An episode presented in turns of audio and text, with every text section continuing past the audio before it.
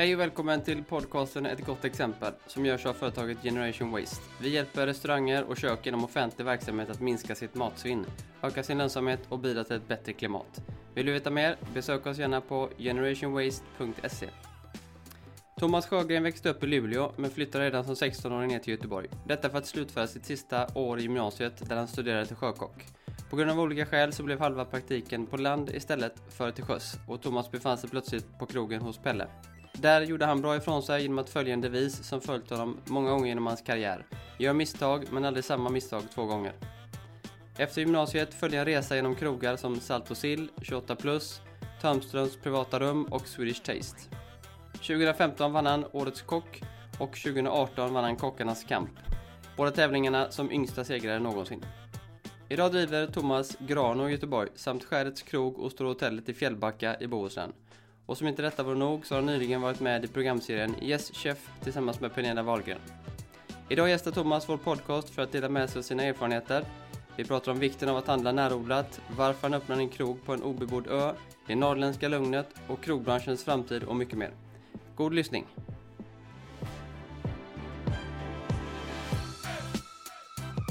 Så att om man då ska åka och plocka upp eh, betor och lökar och potatis och massa blommor så här, då blir det ju att du använder ju Eftersom att du ändå har stått och dragit upp dem i jorden och eh, sköljt av dem och skalat dem och kokat dem och sådär. Då blir det ju att du, du slänger dem ju inte. Mm. Eh, för det är ganska självklart att du, det är ett jävla jobb bakom det. Liksom. Eh, Jag har haft en sjukt intensiv dag så att jag Ja, ska så bara försöka... Ja. eh, kör vi igång eller? Vi, Ja, vi rullar. Ja.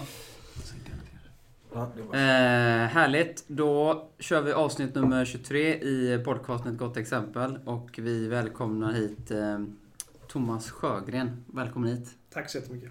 Hur är läget idag? Hur mår du? Eh, jo, men jag mår bra. Tycker jag. Det har varit lite stressig dag. Jag brukar inte ha så mycket stressiga dagar, men idag har jag känt lite så här. Mycket saker som jag behöver komma ikapp med. Jag har varit borta i två dagar. Eh, Jag har varit i Stockholm sådär, så då blir det att man behöver komma ikapp med grejer. Så då blir det lätt att det blir lite mer än vanligt. Grymt. Vi Är det presentera Filip också. Ja, just det. Sorry. Vi tar det. Och med oss idag har vi ju också våran eh, kollega mm, Filip Hagbert. Jajamän. Som kommer att hoppa in med lite frågor när det blir för eh, nördigt här. Två kockar emellan här va? Sidekick. Sidekick. Ja. Det stämmer bra det. Ja, gott. Ehm, är det mycket, alltså pendlar du, reser du mycket i jobbet? Är det mycket, jag läste om att du gör ganska mycket gästspel. Det gjorde i alla fall att det var mycket resor. Ja, alltså verkligen eh, inte så mycket. Jo, jag reser mycket i jobbet för eftersom att vi driver liksom också krog på västkusten så blir det liksom en hel del pendling.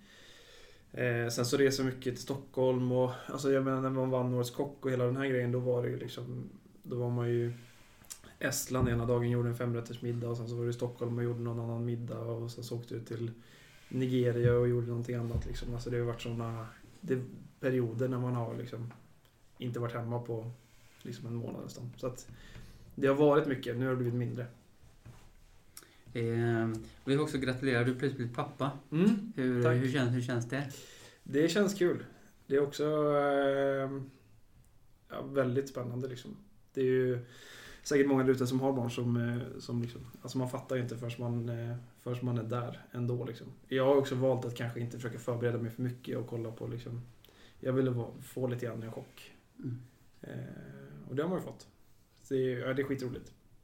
Läckert, Han är svingod. Ja. Och svinjobbig ibland. Ja. Men, men så fort han liksom, man får lite leende tillbaka så är det ju bortglömt liksom. Ja.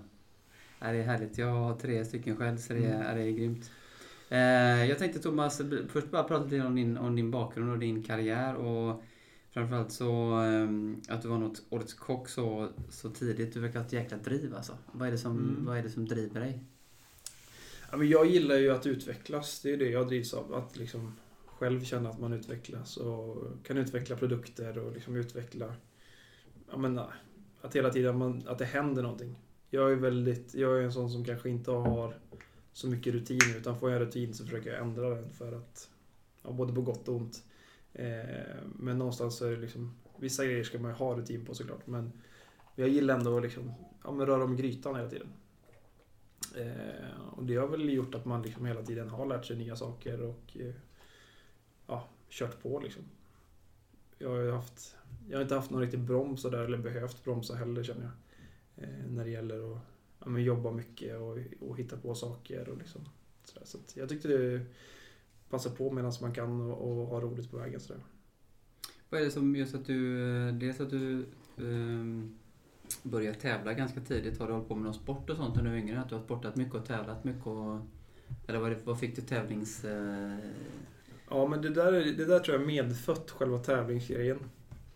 Eh, att jag har liksom alltid velat tävla och det kom mycket från mammas sida. Alltså mycket så här, hon gillade ju att tävla med mig redan när man var liksom 10-11 år på tennisbanan. Liksom. Även fast hon var bra mycket äldre och det var liksom sådär så, så skulle hon ändå slå mig och där har man fått något sådär jävla enamma ifrån. Så att det, det har liksom... Det är roligt att vinna och det är roligt att tävla och på ett sätt så är det roligt att förlora också så att någonstans så, så ser jag liksom inte varför man inte ska tävla. Så var det innan i alla fall. Nu har jag tävlat mycket mindre och är inte riktigt samma tävlingsmänniska på det sättet att jag går ifrån ifall jag förlorar ett kortspel som det kanske var innan. Liksom. Du kunde skicka av på kortleken? Ja, ja, men alltså det ja, riva sönder kort och lite sådana grejer. Liksom. Alltså, inte att jag har aggressionsproblem, men att jag ändå eh, svårt att förlora. Mm. Jag funderar på en sak där med humör och, och liksom, eh, tålamod i kök och sånt där. Det är ganska stressig miljö. Det är varmt, det är stressigt. Alltså, mm. det är så här, jag var när jag var yngre, just det med att få barn, mm. så får man ett större tålamod. Man inser att okej, okay, först var det jag, sen var man barn liksom.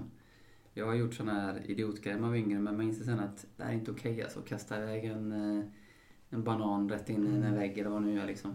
Så just det här med att man utvecklas när man får barn mm. Eh, och inser att okej, okay, Eh, men om man tänker på, du kommer från, du är uppväxt i, utanför Umeå ja? Ja, precis. Ja, yes. Så mycket av mitt lugn kommer ju därifrån.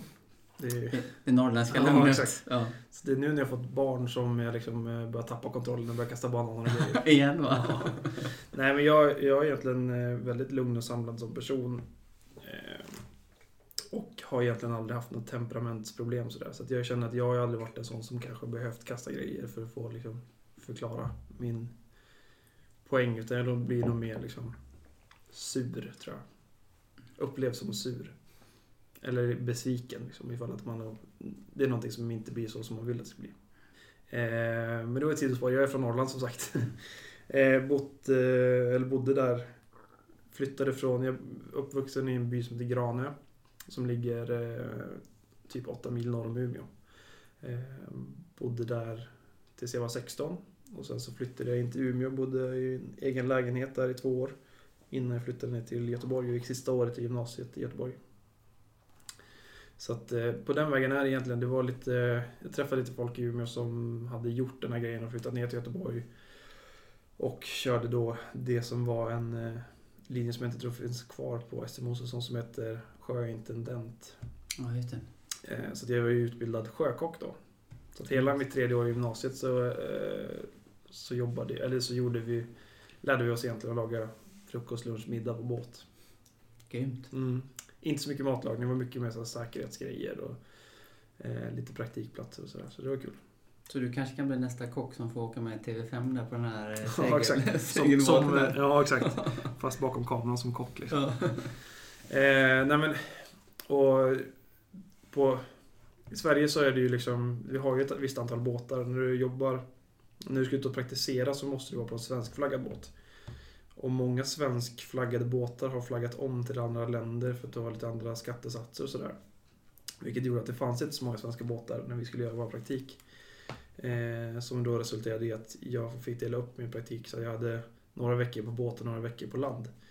Eh, och då halkade jag in på hos Pelle som låg där på mm. Linné. Och körde min ja, praktik på land där då. Eh, så det var väl där någonstans som det egentligen började och jag liksom bestämde mig för att flytta, eller bo kvar i Göteborg. Eh, och fick då ja, jobb via hos Pelle kan man säga, eller Henry som var köksmästare där då, ute på, på Salt och sill på Tjörn. Ja, just det. Så det var ändå första jobbet. Var Jonas Esbo först där då? Va? Mm, på, ja, ja, han är kvar fortfarande va? Ja, han är kvar. Ja. Eh, jobbar väl med annat nu också, men så han är inte köksmästare som han var då. Ja, Eh, och Sebastian Weil som var där också. Eh, så att vi jobbade, jag jobbade där, Jag kommer knappt ihåg, men det var ju liksom att vi körde ju... Jag körde första sommarsäsongen och sen så fick jag även stanna kvar och köra hösten och julbordet och sånt. Och sen eh, var jag en sväng i Oslo och hjälpte till. Kom tillbaka och körde sommaren igen då. Eh, och sen så var man ju lite grann fast där nere. Mm. Om man backar lite, vilket år var det du... För just det här att ta steget och bo i Umeå och flytta till, till Göteborg, det Mm. ändå, då var du alltså 18 typ. Mm. Det är ganska modigt och redan där känna att eh, Ja. jag drar liksom. Eh, Ja, och hade du var- kompisar där nere då i Göteborg? Nej, jag flyttade helt själv. Eh, gjorde jag. Hoppade in i en klass där jag inte kände någon. Eller liksom. Så det var rätt eh, kul och det var nog ingenting jag reflekterade över då. Att det var liksom modigt eller sådär. Ehm, jag flyttade ändå hemifrån när jag var 16 liksom, och har klarat mig själv lite grann sedan dess. Ehm, så att jag var ju liksom inte orolig för att jag inte skulle klara mig. Och så här, någonstans så var ju redan då så såg jag ändå att karriären var liksom... Jag ville laga mat, jag ville bli jävligt duktig på att laga mat. Eh, så därför så, så hade jag liksom bestämt mig och då var det den vägen att gå. Liksom. Mm. Jag funderade liksom inte så mycket på om jag skulle sakna några kompisar eller föräldrarna eller liksom sådär. Utan det var liksom... Du hade bestämt dig där? Ja. Ja. Jag tänkte på en sak, eh, Pelle Danielsson som är en fantastisk kock. eh, Jag jobbade på, när jag typ var 18-19 år så ville jag bli fotbollsproffs. Jag jobbade på lunchkrogar så. Ja. Och sen började jag jobba på kvällskrogar och så Mm. ville man in på de bästa. Och när jag hade jobbat lite säsong och så kom jag in på Sjömagasin första gången. Mm. Och den här atmosfären, tror jag pratade innan. Den atmosfären i en sån krog som har såna ambitioner. Det är ju det som är så grymt alltså. Mm. Det är lite inte- alltså- förtrollande på något sätt. För det är ju lite det som du tar med dig, det som du har fått med dig av de här fantastiska krogarna du har jobbat på. Vad, Mm. vad, vad, hur kan man beskriva det liksom? Nej men alltså så här, den, den känslan tror jag jag fick som mest egentligen när man klev in på 28 plus. Eh, när jag började där. För då var det ju liksom Hans Borén stod i köket, han har stått där liksom i, vad kan han ha stått där då i 16 år typ. Mm.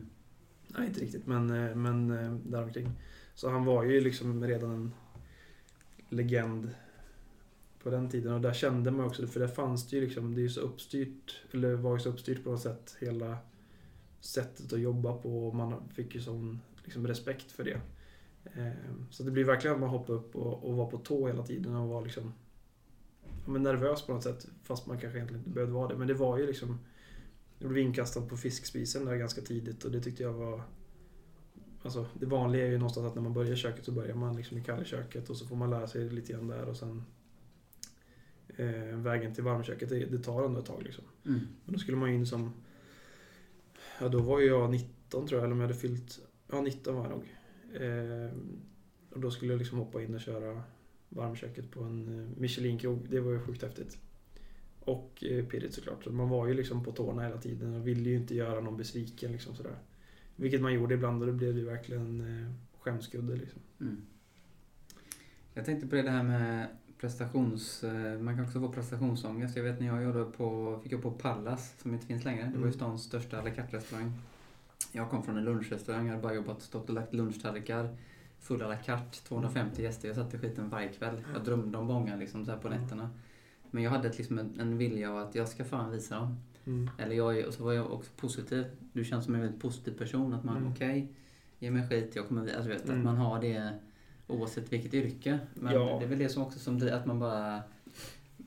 Men det, det, för mig handlar det mycket då om att bevisa liksom. Alltså be, bevisa att man kan och att man ville lära liksom. Och Mm. Skulle jag aldrig göra samma misstag två gånger liksom. Utan det blir ju, man lär sig ju och sen så gör man ju på det sättet liksom. Och det tror jag märktes ganska tidigt. Så jag fick ju frågan om att bli souschef på 28 plus. Eh, relativt tidigt inför höstsäsongen då. Jag började ju i april tror jag. Hur gammal var du då? Då var jag 19 men det visste 19. inte Det visste inte Hansson. När jag berättade att jag var 19 så sa han eh, Okej vi kan ta det här sen. Sen så var han en annan souschef. Ja.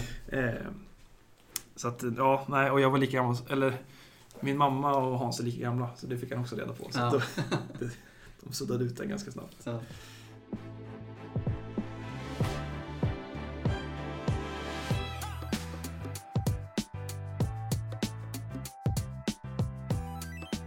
Jag öppnade min första restaurang när jag var 26 år. Mitt första kökschef jobbade jag på min egen krog. Hade jag vetat det jag vet idag så hade jag Mm. gjort vissa saker annorlunda. Men framförallt så det här med ekonomin när man driver egna krogar. Eh, hur liksom, har du någon partner som jobbar med ekonomin eller vad- alltså hur jobbar du själv med, för det är, det är tufft, det är en tuffare del liksom att få det Ja. att gå runt. Nej men det har vi ju. Alltså, jag öppnade ju egentligen inte min första... Alltså, jag gick in som delägare först i en krog. Mm. Alltså på skäret då. Så jag gick in som delägare på skäret. Det var ju det första som hände. Då fanns ju redan ett färdigt ekonomisystem liksom. Och sen efter ett år där så, så skulle vi öppna en egen krog fast då gjorde jag det utan eh, skäret liksom. Utan vi gjorde det själv då med brorsan och en till kille. Och det, man har ju lärt sig väldigt mycket liksom.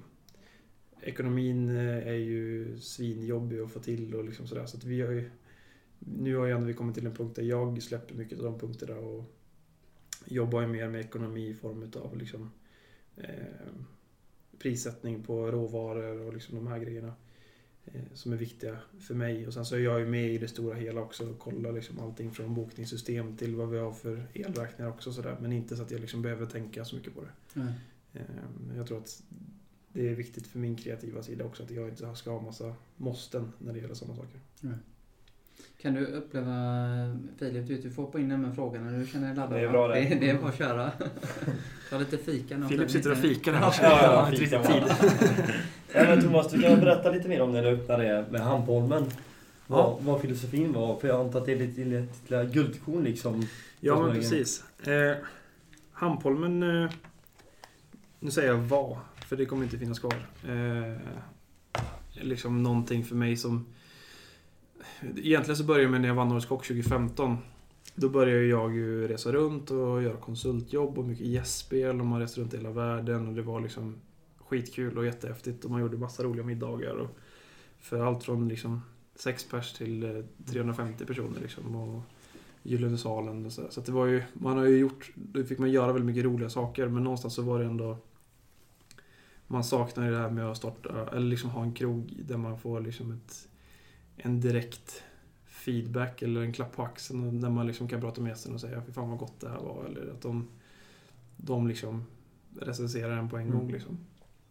Eh, så att jag ville göra en krog men jag ville heller inte ha en krog på något sätt. Eh, Så då funderade jag på om man skulle göra en pop-up. eh, Som har blivit trendigt på sista tiden. Det här gjorde vi då... Jag funderade på det 2015 och så nyårsafton 2016 så fick vi reda på en lokal. Eh, För jag ville göra det här på en ö. eh, Där det helst inte fanns någonting annat i en sjöbod. Och så lyckades vi hitta en sån lokal där det, är så här, det finns bara en ö med en sjöbod liksom. Vilket lät ju skitkul. Så vi körde då... Eh, vi hyrde den sommaren 2016. Eh, Hampholmen som ligger utanför Smögen. Där vi hämtar alla gästerna på båt, körde ut dem, serverade typ 20 serveringar med vinpaket och allting. Eh, kaffe på bryggan och sen så fick de åka hem liksom. Och eh, det blev ju en hit eh, direkt. Så det har ju liksom varit... Sen dess så har det varit eh, fullbokat varje sommar och det bokas ju fullt i februari liksom. Så det har varit en skitrolig resa med där vi liksom verkligen har eh, ja, byggt upp eh, någonting. Alltså vi har ju inte lagt en krona på marknadsföring där utan det har ju liksom varit att de som kommer dit, de kommer dit antingen med någon som varit där tidigare eller så har de hört talas från någon som har varit där tidigare. Liksom. Så att det har ju Förfrågningarna har ju varit eh, enorma sådär så det har varit jättekul. Och det har ju också gett oss mycket liksom eh, hjälp nu liksom. Vi har ju till exempel Klevsgård som vi jobbar mycket med. Det kom ju tack vare att eh, vi skulle öppna Hampolmen så var det en gård som kontaktade mig och frågade om jag ville köpa ägg. Och då frågade jag ifall jag fick köpa deras hönor. Mm. För det, fick- men det fick jag inte då, så då eh, kompromissade vi och så slutade med att eh, jag hyrde en del av deras eh, gård och eh, odlade grönsaker. Eh, och den odlingen finns ju kvar och den jobbar vi Mm. varje år med att bygga ut. Liksom. Så att vi har ju på Smögen och Fjällbacka så har vi eh, grönsaker och örter som vi odlar själva. Liksom. Vilket är skitkul. För du får ju en helt annan respekt. Alltså det är viktigt för mig men det är framförallt också viktigt för kockarna som kommer och jobbar och personalen som är där. Att de får se hur ser en morot ut i landet. Liksom. Det är inte alla som vet det. Och en beta eller jordärtskocka liksom. Om man frågar någon liksom, på plantan, vet du vad det här är? Bara, Nej, ingen aning. Det är jordärtskocka liksom. Mm. Det är ganska det är viktigt för mig att, att man ändå vet hur det ser ut och hur det funkar. Liksom. Upplever att kockarna har en större respekt för råvarorna när de vet att, ni har, att den kommer från... eh, Absolut. Att det är... Nej men det är ju, ja, och det var lite grann dit jag vill komma någonstans så, så får du ju en helt annan respekt för det du jobbar med. Om du själv åker till gården, vi, vi gör ju så att alla eh, kockarna då som är där, de får ju åka och plocka grönsaker när de ska ha grönsaker. Så att om man då ska åka och plocka upp eh, betor och lökar och potatis och massa blommor och så här, då blir det ju att du använder ju Eftersom att du ändå har stått och dragit upp dem i jorden och eh, sköljt av dem och skalat dem och kokat dem och sådär. Då blir det ju att du, du slänger dem ju inte. Nej. Eh, för det är ganska självklart att du, det är ett jävla jobb bakom det liksom. När du berättar precis där, du gör ju så mycket, du får förfrågningar om årets kock. Så här, liksom, hur väljer du vad du ska göra? För det är lätt att bara så här... För det är kul också, Mm. kan tänka mig, Mm. att spela in TV och vara med i, i olika program och så. här, Men Mm. att man... Hur, hur, hur, hur prioriterar du vad du vill? Nej men där är ju mycket magkänsla. Det är ju, men det är mycket saker som man sållar bort. Som man liksom känner att så här, det här är inte riktigt min grej eller det här passar inte mig eller jag vill inte synas med det här varumärket eller sådär. Eh, Eh, så att när man pratar liksom vissa grejer som jag har ju några, jag samarbetar ju med några liksom typ som Scampan som jobbar med stekpannor och lite Mellerud. och lite så här. Jag har några sådana partners som jag liksom jobbar med och då väljer jag att jobba med dem till viss del och sen så vissa andra så här tv-projekt och sånt känner jag väl att om det är någonting som som jag kan stå för och sådär, då tycker jag att då är det bara att köra. För någonstans så kommer man bara ångra det om man inte har gjort det liksom. Eh, för det är väl en grej du står för, just det här från jord till bord. Att man tar råvaran liksom och verkligen Mm. tar hand om den och Ja, men absolut. den på rätt sätt. Och sen liksom det här tv-programmet som vi gjorde med Vi gjorde ju en programserie nu med Pernilla Wahlgren som vi har spelat in under två månader som har sänds på Discovery än så länge. Ska börja sändas på Kanal Plus också. Eller Kanal Plus. Kanal 5. Det klipper vi. TV1000. eh, nej men det ska sändas på eh, Kanal 5 nu under, eh, under våren. Det har varit ett roligt program att spela in för där spelar vi in Där åker vi runt och besöker producenter. Pratar med producenter, träffar dem, får se råvarorna och liksom allting från hur man liksom slungar honung och, och väx- alltså hur bina växer upp till att man liksom sätter en eh, morot eller fiskar löjrom eller man får se allting sådär och resa runt i Sverige. Det har varit skitkul. Eh, För det är jag ju väldigt intresserad utav liksom. Mm. Både eh, alltså, få naturupplevelser, träffa producenter och äta god mat liksom. Det är någonstans det. Jag bygger ju mycket utav, eller vi försöker bygga mycket av det vi gör. Vi försöker skapa destinationer på något sätt. Att det blir att man åker dit för att käka som i Fjällbacka. Vi har byggt ett hotell med tre restauranger för att du ska åka, åka dit, kunna äta liksom lunch, middag. Eller om du då käkar middag, sen lunch och sen middag igen dagen efter. Eh, att du liksom åker dit för att maten är bra och allting annat blir någonting utöver liksom. Samma som Hampholmen. Mm. Hampholmen, det var ju liksom... Andra året vi körde, det var ju folk som åkte från Småland. Från Nässjö upp Smögen. hoppade på båten, åkte ut, käkade tillbaks och sen så åkte man ner till, eh, till Småland igen liksom. De körde ju, alltså... Det är Det är ju, ja men det är skithäftigt att man kan Mm. liksom skapa en destination och att folk liksom vill komma till den för att eh, skapa minnen. Vad ser du på vikten av lokala aktörer och liksom att värna om, liksom, värna om liksom, de lokala aktörerna runt om? Nej men det är ju skitviktigt. eh, Vi har ju skitmycket bra så jag ser ju ingen anledning till att inte göra det. Mm. Eh, Sen så fattar jag, vissa kan inte för att det är för dyrt och vissa liksom så, men nu är vi ändå på den nivån att det lilla ändå som vi ändå producerar runt om, även fast det är mycket så blir det ändå litet i det stora hela. Eh, De som kan köpa upp det, de köper ändå upp det på något sätt. Eh, Men det är ju viktigt att vi liksom skapar de här kontakterna mellan, mellan bönder och eh, eller liksom fiskare och, så här, och att man skapar kontakten till kockarna och de som verkligen använder grejerna så att man ser. För det är ju kvalitetsmässigt, i alla fall på grönsaker, så är det nästan alltid bättre med lokalt. Liksom, för att det handlar om att få någonting färskt. Mm. Eh, sen kan det ju vara såklart att den växer på olika jordar och sådär och då blir det ju lite mer nörderi liksom. Men överlag så blir det ju oftast bättre om man tar det runt knuten. Jag såg på eh, första avsnittet av Benjamins kök, heter det? Ja, Ja. Benjamins tror jag. Benjamins, ja. eh, Benjamins. Mm. Jag såg första avsnittet av Benjamins Mm. eh, och eh, Han verkar, vara, alltså han verkar älska mat. Ja, han älskar mat. och, och nördat ner sig på carbonara. Han var så skönt att göra. Ja, men han nördar ner sig på mycket. Han är ju, han är ju rolig på det sättet för att han älskar ju mat och brinner ju verkligen för det liksom. Mm. Alltså han, hans, ja, han äter ju, han fokuserar ju hela tiden på liksom var ska jag äta och eh, sådär. Så det är skitkul. Han har ett jätteintresse och är väldigt duktig också tycker jag. Mm. Eh, så det är kul att han ändå har- får köra den här grejen med liksom mat och musik och ja, Hur, hur mycket klipper man i sånt program? För det känns ändå som att det var... eh, Alltså hur mycket... det klipps ju en del, det gör det ju. Mm. Eh, Den klippte ju bort mycket av spriten. Ja. Nej men det var ju... Som alltså- grön chartreuse där, det låter livsfarligt. Ja, exakt. Eh, nej men det är klart att man tar ju bort eh, vissa delar sådär. Men det, det blir ju ett härligt program. Men det är ju också bara 43 minuter du har att jobba med. Liksom. Mm. Och vi spelar in en hel kväll. Så, det, så vill man gärna ha med all musik och få med så mycket av maten som möjligt. Sådär. Men, eh, ja, det var ett roligt program att spela in i alla fall.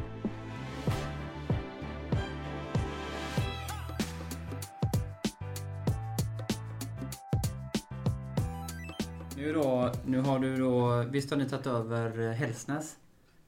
Eh, Precis. För något år sedan bara va?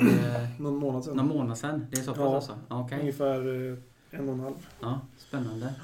Hur, nu är det ju lite, eh, vi får svära lite grann, det är ju för jäkla tråkigt här nu alltså. Det är Ja. bara så här. Men hur känner du nu inför, nu kommer ändå våren och vad, inför liksom eh, 2021 här, vad ser du liksom Mm. komma skall? Nej men vi har ju öppnat upp eh, Hällesnäs och Hällesnäs är ju ett ställe som egentligen har livnärt sig på konferenser och bröllop. Eh, och vi vill ju vända det på samma sätt som vi gjorde i Fjällbacka. Att vi hela tiden riktar oss mot privatmarknaden. Allting annat blir liksom som en bonus. Så att vi har ju satsat på att göra liksom en... Eh, laga väldigt god mat och eh, skapa en destination för privatgästen Just nu så är vi lite liksom, det är vinter och det finns inte så mycket möjligheter men vi har ju Vi har ju på eh, sommar nu så kommer vi ha lite så här fiskebåtar som vi kan, eller liksom roddbåtar som man kan låna och åka ut och fiska och vi har kanoter och kajaker och vi skapar liksom mycket sådana grejer, lite roligare aktiviteter. Nu på vintern har vi köpt in ett shuffleboard och lite biljardbord och lite sådana här mer inomhusaktiviteter. Eh, Men där ska vi skapa en destination så vi riktar oss mer mot privatmarknaden. Så vi kommer bygga ett jättefint spa. Och eh, ännu fler hotellrum och eh, västra Sveriges bästa restaurang. Grymt. Mm. Det, är- det Enkelt. låter... Ja, ja, Nej, men vi, vi ska bygga en... eh, Vi, anledningen till att vi egentligen drar ner Hamnpolmen är ju dels för att det är jävligt mycket jobb för mig. Under hela juli månad så är jag eh, låst till att man kliver upp och så kör man liksom från 8 till 11 varje dag i princip förutom söndagar. Och man konkar ut liksom vinflaskor på båtar och man eh, slänger sopor och liksom allting är ju bara bökigt. Eh, och det har varit roligt att köra det, vi körde i fem år. Men eh, nu gör vi någonting som är lite mer eh, stabilt på något sätt. Så nu kommer vi bygga en krog på eh, Hällsnäs Hälsnäs som kommer bli en satsning där vi kommer göra någonting som jag ser framför mig kommer bli jävligt bra. Mm. Jag tänkte bara gå tillbaka lite grann det här med att öppna egen krog och sådär. Alltså, Ja. Det är många som drömmer om det och då måste man ju ha pengar för att lösa det liksom. Hur jobbar du med... Med pengar? Ja, med pengar. Hur gör du med degen? Ja, exakt. Alltså har du finansiärer eller är ni liksom fler som går in som delägare eller hur? eh, Eh, nej. Vad, vad tycker du är liksom eh, vägen att gå? Vi pratade det förut, jag och Filip här. Jag brukar säga att en, en glassmaskin kan ibland förstöra en hel krog. Mm. Alltså hur man startar en krog. Idag kan man göra pop-up-krogar med Mm. i noll i budget. Ja. Men rent så här med ekonomin, hur tänker du? eh, Nej men det är ju skitsvårt det där för att någonstans så är det ju man, man, det är ju liksom såklart en dröm och det kostar ju pengar att öppna en krog. Eh, när vi byggde Grano, för det får väl ändå vara liksom exemplet på, på hur, vi, hur man, om man ska göra från scratch sådär. Där var vi ju tre stycken som gick in med liksom lika delar. Sen så tog ju vi lån också. Liksom. Vi lånade pengar från leverantörer. Eh, med Nigo, vi lånade pengar från Spendrup. Vi gjorde en avbetalningsplan på liksom mycket av köket. Eh, och jag menar, det är ju... Det som är tufft är ju liksom första året att komma igång och du sätter mycket liksom på balansen som ska räknas av. Eh, och det är mycket pengar som, det måste ju liksom, om du driver ett aktiebolag så får du aldrig hamna på obestånd och det är lite grann det som krogar oftast gör när man belånar sig. Ehm, och då står man där efter ett år och måste liksom upprätthålla balansen vilket kan kosta några hundratusen kronor. Liksom. Mm. Så att eh, på ett sätt så är det bra att låna och spara sina egna pengar för att liksom, kunna rädda upp situationen ifall att någonting händer. Eh, I bästa fall så kanske man kommer på fötter direkt och, och allting rullar på. Då kan man ju betala tillbaks, använda sina egna pengar för att betala tillbaka lånen i alla fall. Mm. Men någonstans så tycker jag att man eh, kan man göra med egna medel och man känner att man har liksom en buffert över. Men man ska alltid räkna med att liksom det man budgeterat i renoveringskostnader och liksom projekt, det kommer man nästan dubbla. Liksom. Mm. Eh, Det blir rätt så. Och kan man göra det med sina egna pengar och dessutom se till att betala några månadslöner till de anställda med sina egna pengar, då kan man ju köra igång. Eh, Kan man inte det så ska man nog kolla på eventuella lösningar för att vad händer om det liksom inte kommer igång direkt. Eller liksom. Det gäller ju också vad... Eller en pandemi. Ja, exakt. Det är det som är så svårt. Alltså det är skitsvårt att öppna krog, men när man väl är igång och det rullar på så, så är det bra. Sen så är det viktigt att hela tiden vara aktiv. Det förlorade vi mycket på i början med Grano, att vi körde ju liksom frukost, lunch, middag. Och så här, vi såg ju att vi fick en hyfsad försäljning, men vi hade mycket kostnader också. Liksom. Mycket personalkostnader, mycket... Det var liksom, vi gjorde en liten för romantisk bild utav vad det är att driva krog. Så att när vi väl tog tag i det efter hösten då så slimmade vi ner. Vi öppnade bara kvällar. Vi, liksom, vi hade de timmarna där vi eh, sålde som mest och gjorde ett personaleffektivt koncept. Liksom. Mm. Och då funkar det. Eh, sen kommer man ju inte bli stenrik på det direkt. Liksom, utan det tar ju ett tag att jobba in. Och vi har ju inte, eller liksom privat sett så min ekonomi är ju, det, vi plockar ju inte ut så mycket pengar från bolagen utan vi stoppar ju in och sen så fortsätter vi bygga. För att Mm. vi tycker att det är kul. Vi tog över Hellsnäs nu, det tycker vi är skitroligt. Eh, Men det är samma ägarkonstellation i alla till viss del. Vi, vi, vi, kan, alltså vi har ett moderbolag som heter Goldrest där vi är tre stycken delägare. Så det är jag, eh, Oskar Gyllström som har drivit eh, Skäret länge och Tommy Backner som har Sälen's högfjällshotell också. Eh, så vi tre äger det på lika delar. Och sen så har vi då tagit över, och vi äger 100% av Smögen, alltså Skäret. Och vi äger 100% i Fjällbacka och Hälsnäs. Men sen så på Grano så äger vi 75% och Kristoffer äger 25% så där äger vi 25 var kan man säga. Så så ser väl ägarkonstellationen ut om man ska vara på procenten. Eh, Vad är det, eller, jag avbryter här jättemånga, men Ja. när, jag, när vi öppnade vår krog, vi var ju tre stycken och tre finansiärer. ja, Då eh, vi jobbade på, vi skulle öppna, det var ju mycket New York då, vi skulle öppna Göteborgs coolaste bar och matsal liksom, Mm. så här på Magasinsgatan sådär. Och då eh, fick vi lära oss ta betalt, man får ju sjukt mycket polare när man har restaurang, många vill komma och äta billigt, Mm. eh, gärna gratis. Men vi glömde att lägga undan pengar till semesterersättning förra året, första året. mm. Och vi stängde första sommaren. Vi ville ha, vi ville ha lediga.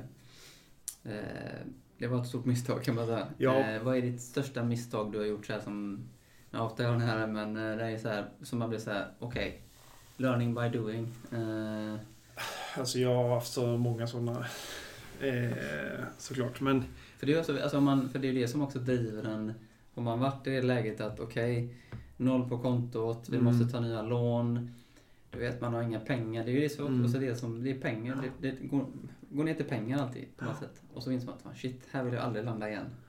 Nej, och, och precis. lära sig det. Ja men alltså någonstans så var det för mig kanske mycket att man så här, Man måste ha kontroll hela tiden och se till Är bolaget lite osäkert så måste du ha koll på vad, vad är liksom Vad har vi för utgifter, vad har vi för inkomster? Eh, vad måste vi ha för intäkter för att liksom täcka våra fasta kostnader? Mm. Eh, för att annars så kommer du liksom bara springa runt och ja men det ser bra ut och man tror att det är okej liksom så, så Man måste ha mätverktyg som är enkla eh, för att kunna se liksom hela tiden. Och någonstans så för mig så är det bara, ja, men Det var då när vi hade lite, lite knackigt liksom så här, då var det bara att gå in och köra själv. Eh, och inte plocka ut någon lön. Mm. Så det är ju det alternativet man har liksom. Jag ska ge en liten present till Thomas för att du kom hit. Du ska få två presenter, men här är första presenten. Jaha, vad Nu gött. ser ni inte bilden, men det före. Det här är en eh, Det här är det bästa bästa verktyget. verktyget, ja precis. Eh, en skön slickepott som jag också jag är... trodde det var någon smiska. jag. Ja, men just det med, med ekonomi, dels måste du ha, vi jobbar med ett digitalt system och också jobbar med det praktiska. Mm. Och det praktiska är i köket, det är det du får ut maximalt av varje råvara. Mm. Och eh, jag lärde mig min, jag tror morsan eller mormor som lärde mig att sätta eh, en liters gräddpaket eller fem och sätta dem på värme liksom. Mm. Och få ut en halv deciliter till. Och det har inte jag sett på många, många år. Eller typ riva ströbröd som man så här. Mm. Och på något sätt, eh, för det är det som jag tror är framtiden, hur jobbar vi cirkulärt liksom? Hur Mm. jobbar vi, lite som du var inne på här med, jag vill köpa ägg, du köper hela hönan liksom. Det Mm. är det som är grejen. Mm. Eh, vad ser du liksom är, för nu på något sätt, jag kan uppleva att restaurangbranschen, det är bara ett blankt papper, Mm. nu är det någonting nytt. Vad ser du, vad ser du komma rent trendmässigt och sådär framöver? Vad, poppa upp är en grej som är grym. Ja, men precis. Alltså, jag tycker det händer saker. Jag tycker att liksom... Det känns som att Göteborg hela tiden eh, växer eh, på ett bra sätt, även under pandemin, vilket är sjukt. Men det händer ju lite grejer. Det är nya krogar som öppnar och alla tänker lite modernare och det blir liksom eh, bredare, vilket jag tycker är väldigt positivt. Eh, sen så hoppas jag att det kommer fler liksom små aktörer som vill göra sin grej, att det blir lite mer små nischade krogar, att man verkligen att man går tydligare på konceptet. För det har varit lite grann innan kan jag uppleva att om man kollar tillbaks 1500-tiden så skulle alla göra samma liksom.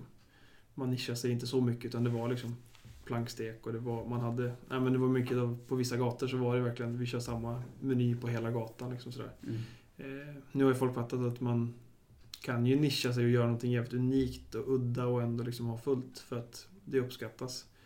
Eh, så att fler nischade krogar tror jag är coolt och det kommer komma ännu mer och sen så blir det ju liksom de här grejerna med närproducerat och, och den grejen, det kommer ju fortsätta och framförallt Alltså i restaurangbranschen har de ändå håll- hållit på med det ganska länge men det blir mycket mot privatsegmentet och försöker hitta sätt där man kanske kan göra lite mer farmers market och sånt som är stort i USA där man går runt där. Att det liksom finns möjligheter för producenter att sälja på andra sätt också liksom. Mm.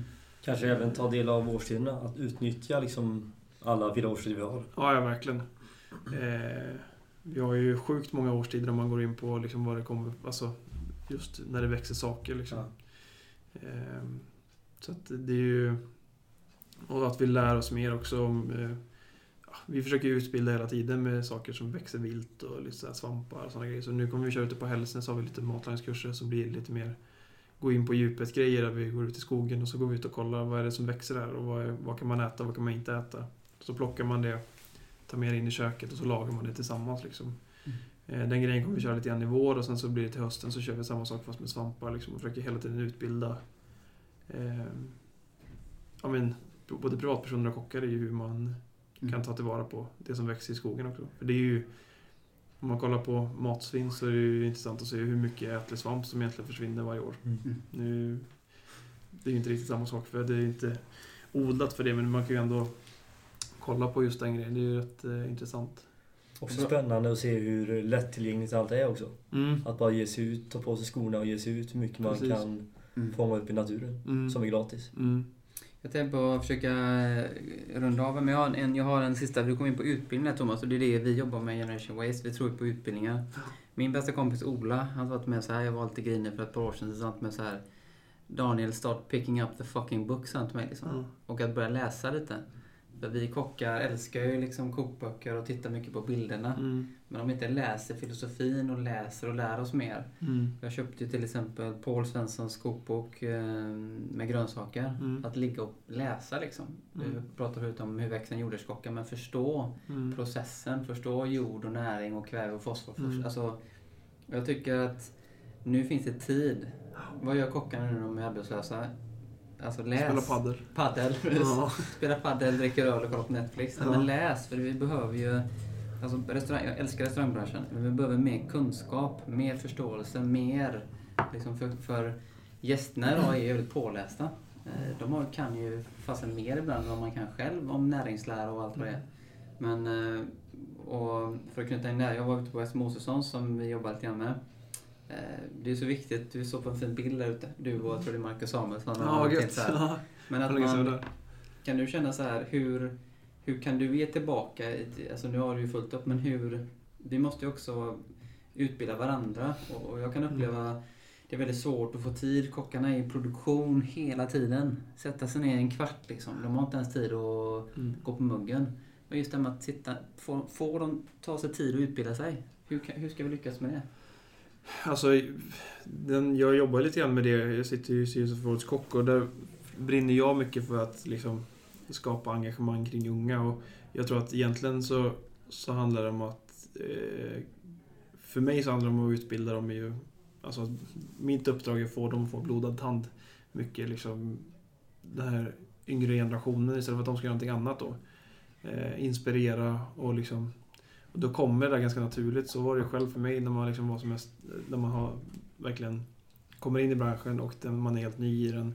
Så finns det så mycket att se. Då är man ju verkligen ute och läser och försöker liksom hitta det som själv intresserar en. Liksom. Så att, eh, det handlar ju om att ge inspiration till den yngre generationen tror jag. Mm. För de, de är också ganska duktiga på att jaga igång den äldre generationen på något sätt. Liksom. Om det kommer någon eh, liten snorunge som börjar ställa massa frågor till mig som jag inte kan så måste jag ju börja läsa på. Liksom. Precis. Mm. Ja, rätt.